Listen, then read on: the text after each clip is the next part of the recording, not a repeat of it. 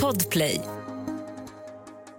Redan nu kan du lyssna på samtliga avsnitt från den här säsongen på plattformen Podplay.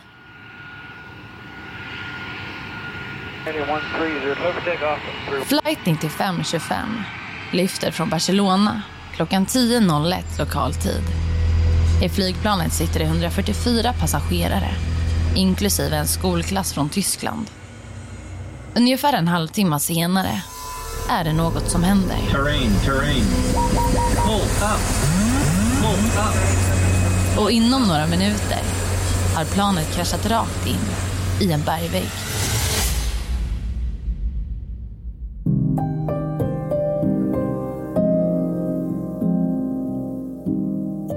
Du lyssnar på Jakten på mördaren.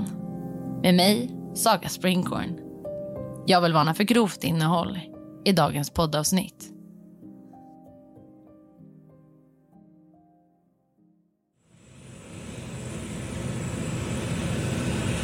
Germanwings flight 9525 lyfter från Barcelona flygplats.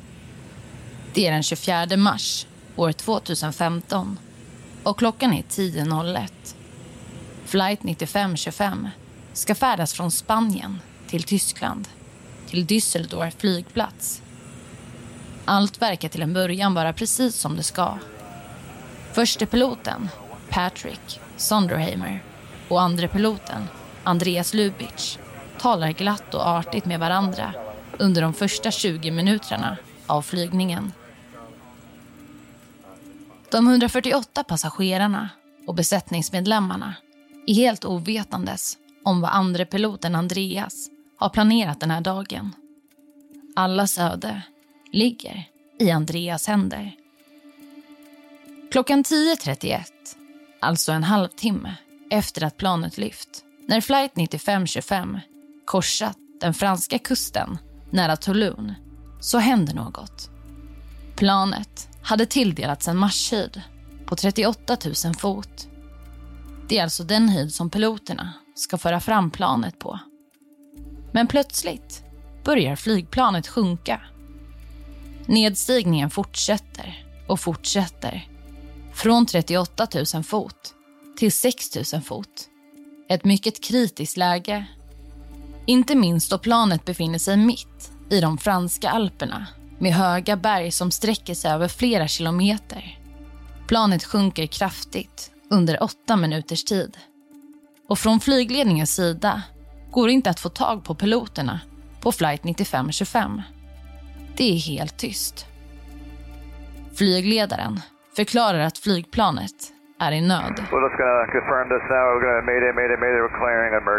Klockan 10.41 försvinner planet från fransk radar och mister kontakten med flygledningen. Cirka 30 minuter senare åker en helikopter ut i området där man sisser till flight 9525 på radarn. I helikoptern sitter tre kollegor från en bergsräddningsgrupp redo att söka efter det försvunna flygplanet. En av dessa personer heter Jean Sebastian Boad. Helikoptern flyger kring en bergskedja i Provence-Alperna nordväst om Nice. Rökmoln stiger mot himlen.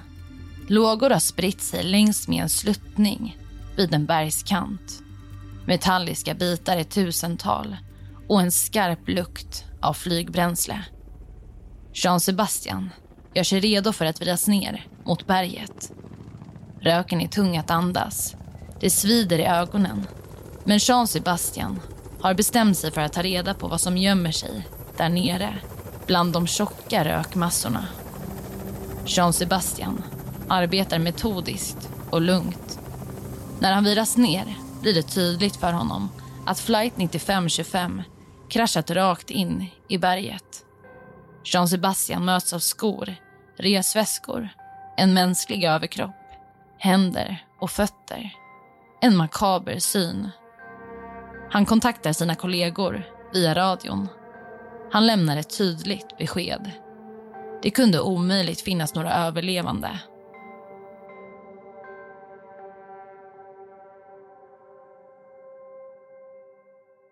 Kraschen är den dödligaste på franskt territorium sedan en krasch år 1981 som dödade 180 människor.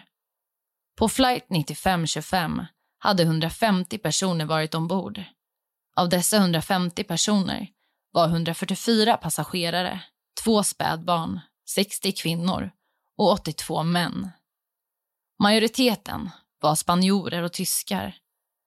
På planet färdades bland annat en grupp gymnasieelever i 16-årsåldern samt deras två lärare. Jean Sebastian, som undersöker olycksplatsen, tar sig vidare i området. Han får tydliga instruktioner om att inte röra något på platsen. Mitt bland bråte och mänskliga rester ser han en orangefärgad låda, ungefär lika stor som en skokartong. När han undersöker lådan närmre förstår han att han hittat något som ska bli mycket betydelsefullt. Jean Sebastian hade nämligen hittat cockpitens röstinspelare. Röstinspelaren är skadad, men ändå hyfsat intakt. Troligtvis skulle informationen i lådan gå att rädda. Och inom 36 timmar efter Jean Sebastians upptäckt skulle franska myndigheter ha analyserat röstinspelarens innehåll och urskilja och börja förstå delar av den nästan obegripliga sanningen bakom kraschen.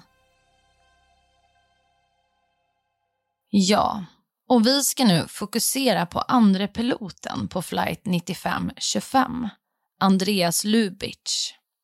Han växte upp i den tyska staden Renlandet, i de gröna kullarna i sydvästra Tyskland. En stad med cirka 15 000 invånare. En vacker plats med hus av tegel och timmer. Människor i Andreas omgivning har beskrivit honom som en glad och försiktig person. Andreas hade ett intresse för löpning och genomförde flera medeldistanslopp och halvmaratons. Andreas passionerade sedan barndomen över att bli pilot och satte upp affischer från olika flygbolag och flygplan i sitt rum. Han arbetade hårt i skolan för att få tillräckliga betyg för att en dag kunna söka pilotutbildningen. Andreas utmärkte sig i skolan och efter gymnasieexamen ansökte han omgående till Lufthansas flygutbildningspilotskola i Bremen i norra Tyskland. Året var då 2008 och Andreas var bland de 5% av de sökande som antogs till programmet. Andreas anslöt sig till utbildningen tillsammans med 200 andra kandidater. Det första året studerade eleverna flygteori för att nästkommande år kunna omsätta kunskaperna i praktiken. Men bara några månader in i programmet så tvingades Andreas att hoppa av utbildningen. Han mådde väldigt, väldigt dåligt. Han återvände då hem och några veckor senare träffade Andreas en psykiatriker som diagnostiserade honom med djup depressiv episod. Andreas hade självmordstankar och började kort därpå att medicineras med ett flertal olika mediciner. Mm. Jag tänker att vi fortsätter att lyssna till Andreas historia. Vi går vidare. Andreas anhöriga har i efterhand berättat om den här situationen då Andreas började må dåligt under första tiden vid utbildningen i Bremen. Hans anhöriga menar att flytten och separationen från det livet som han alltid levt och känt till blev för mycket.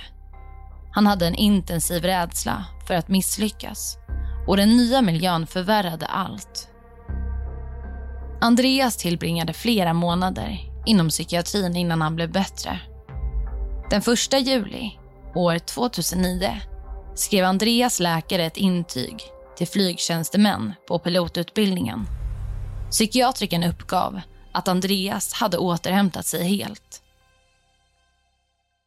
Andreas återupptog sin utbildning i augusti 2009. Han klarade sitt skriftliga prov i oktober samma år. Hans flygcertifikat innebar ett undantag för episoden av depression med villkoret att det skulle återkallas i händelse av ett depressivt återfall. Under hans träning och återkommande undersökningar bedömdes Andreas professionella prestationsnivå över standard. Men trots att psykiatriken menade att Andreas återhämtat sig helt så fortsatte läkaren att behandla Andreas och skriva ut läkemedel åt honom. Länder skiljer sig åt i sin policy när det gäller användning av antidepressiva läkemedel i liknande situationer. Depression kan i vissa fall betyda att personen som drabbats inte kan få flygcertifikat när det gäller passagerarflyg. Men det är olika från land till land.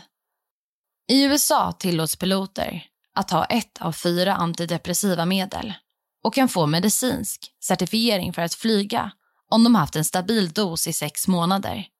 Men noggrann medicinsk övervakning av flygcertifierade läkare krävs för denna provisoriska status.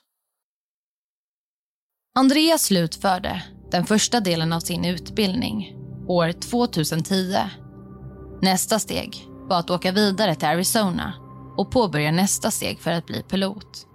Men innan detta behövde Andreas fylla i en blankett. På blanketten tillfrågades Andreas om han någonsin diagnostiserats med psykiska störningar av något slag. Till exempel depression och ångest. Andreas bockade för nej och lämnade sedan tomt utrymme nedan där han egentligen skulle fylla i och specificera all medicinsk behandling han fått under de senaste tre åren. Andreas ljög. Men det var något som han inte skulle komma undan med.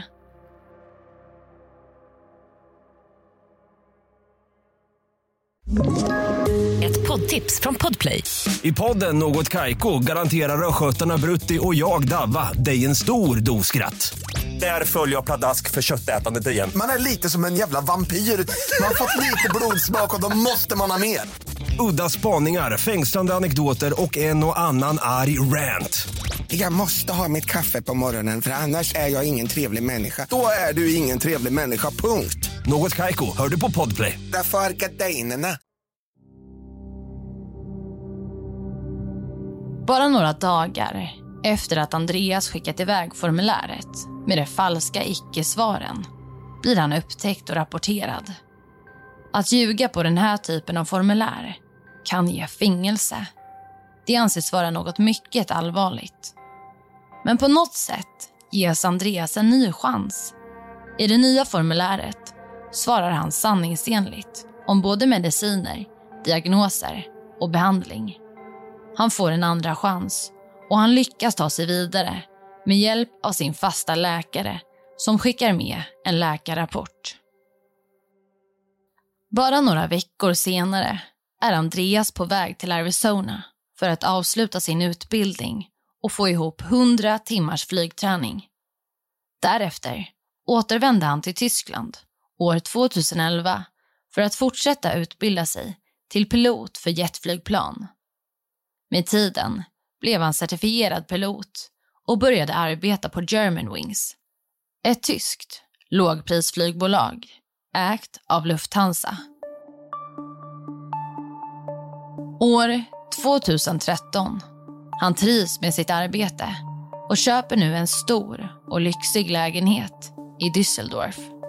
Andreas hade också träffat en kvinna vid namn Catherine. De flyttade in i bostaden tillsammans. Relationen var stabil och kärleksfull. Andreas var ofta på besök hos sina föräldrar. Han verkade ha ett bra liv. Genomförde maraton efter maraton. Hade vänner och bekanta som genuint tyckte om honom. I slutet av 2014 kontaktade Andreas en ögonläkare då han var orolig över upplevda synstörningar. Han var rädd då han trodde att han höll på att bli blind. Inledningsvis besökte han läkaren flera gånger i veckan. Han påstod sig se saker som insekter, blixtrar och ränder. Ibland upplevde han ett dubbelseende.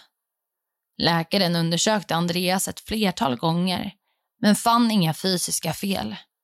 Andreas läkare konstaterade därför att Andreas snarare drabbats av hypokondri. Men Andreas var säker på sin sak. Problemen med hans syn var inte något psykiskt. Andreas husläkare rekommenderar Andreas att besöka en psykiatrisk klinik. Läkaren tänkte sig att Andreas drabbats av psykos. Det tog lång tid för Andreas att acceptera att hans upplevda synstörningar eventuellt kunde vara något psykiskt. Andreas berättade om sin problematik för sina anhöriga. Hans mamma valde då att ta kontakt med den psykiatriken som Andreas behandlats hos flera år tidigare. Depressionen var tillbaka. Andreas såg bara mörker framför sig. Andreas började gå i terapi. Han sjukskrivs hela sex gånger mellan den 24 november 2014 fram till kraschen. Det var flera läkare som hade kontakt med Andreas under denna period. Han ordinerades kraftfulla läkemedel. Läkemedel som verkar på det centrala nervsystemet. Med depressionen kom också sömnsvårigheter. Andreas skrev ner hur mycket han sov i en bok. Vissa nätter blev det inte mer än 3-4 timmar. Det man inte får glömma här är att Andreas fortfarande är verksam som pilot. Han arbetar som han ska, utöver de perioder då han är sjukskriven. Två veckor innan kraschen, den 10 mars 2015 remitteras Andreas till en psykiatrisk klinik då en läkare tänker sig att Andreas eventuellt kan ha drabbats av en psykos. Ja, Andreas hade ju fått omfattande vård sedan 2014. Och efter kraschen uppdagades det att Andreas vårdades för självmordstankar och han hade försökt ta livet av sig tidigare. Trots den omfattande vård som Andreas fick var det ingen läkare som rapporterade hans psykiska besvär till hans arbete eller andra myndigheter. Och det är något som har kritiserats. Men faktum är att i enlighet med de tyska sekretessreglerna så kunde inte läkarna vidarebefordra den här informationen. Vi ska nu gå tillbaka till den 24 mars år 2015.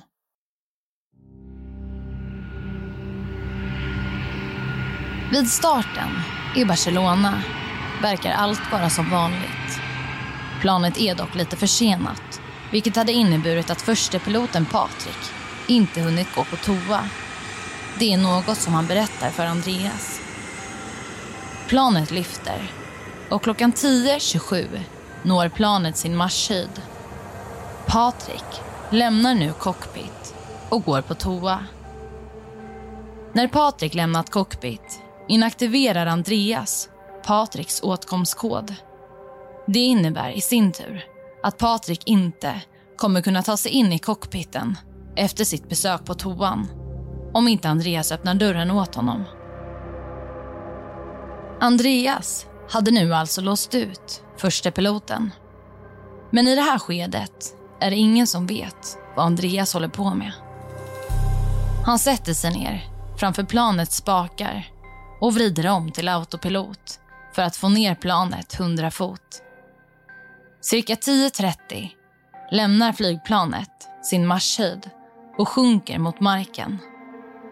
Man kan då fråga sig om passagerarna märkte något nu när planet började sjunka. Sannolikt har passagerarna känt en förändring i tryck och riktning. Men planet sjunker hyfsat stabilt och försiktigt. Så troligtvis har det inte skapat oro i kabinen. Dock uppmärksammar franska flygledare att något inte står rätt till med flight 9525. Planet hade lämnat sin marschhöjd och började sjunka otillåtet. Franska flygledare kontaktar planet men får inget svar.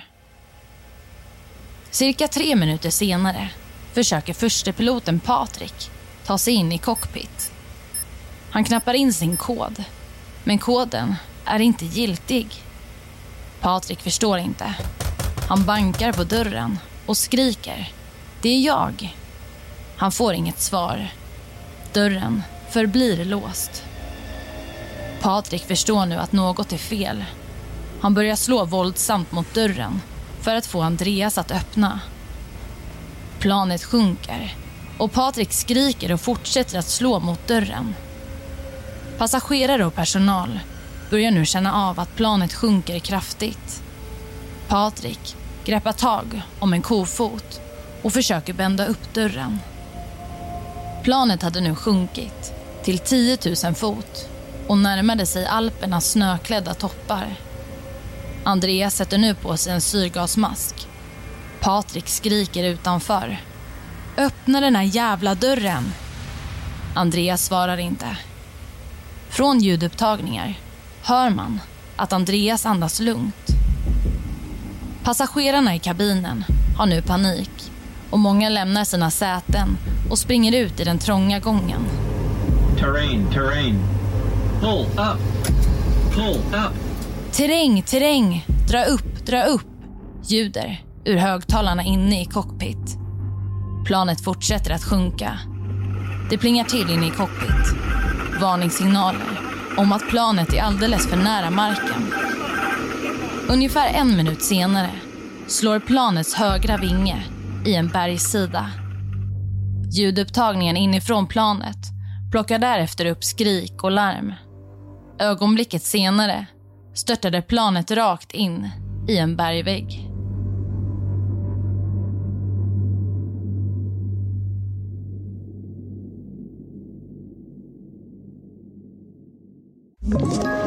Ett poddtips från Podplay.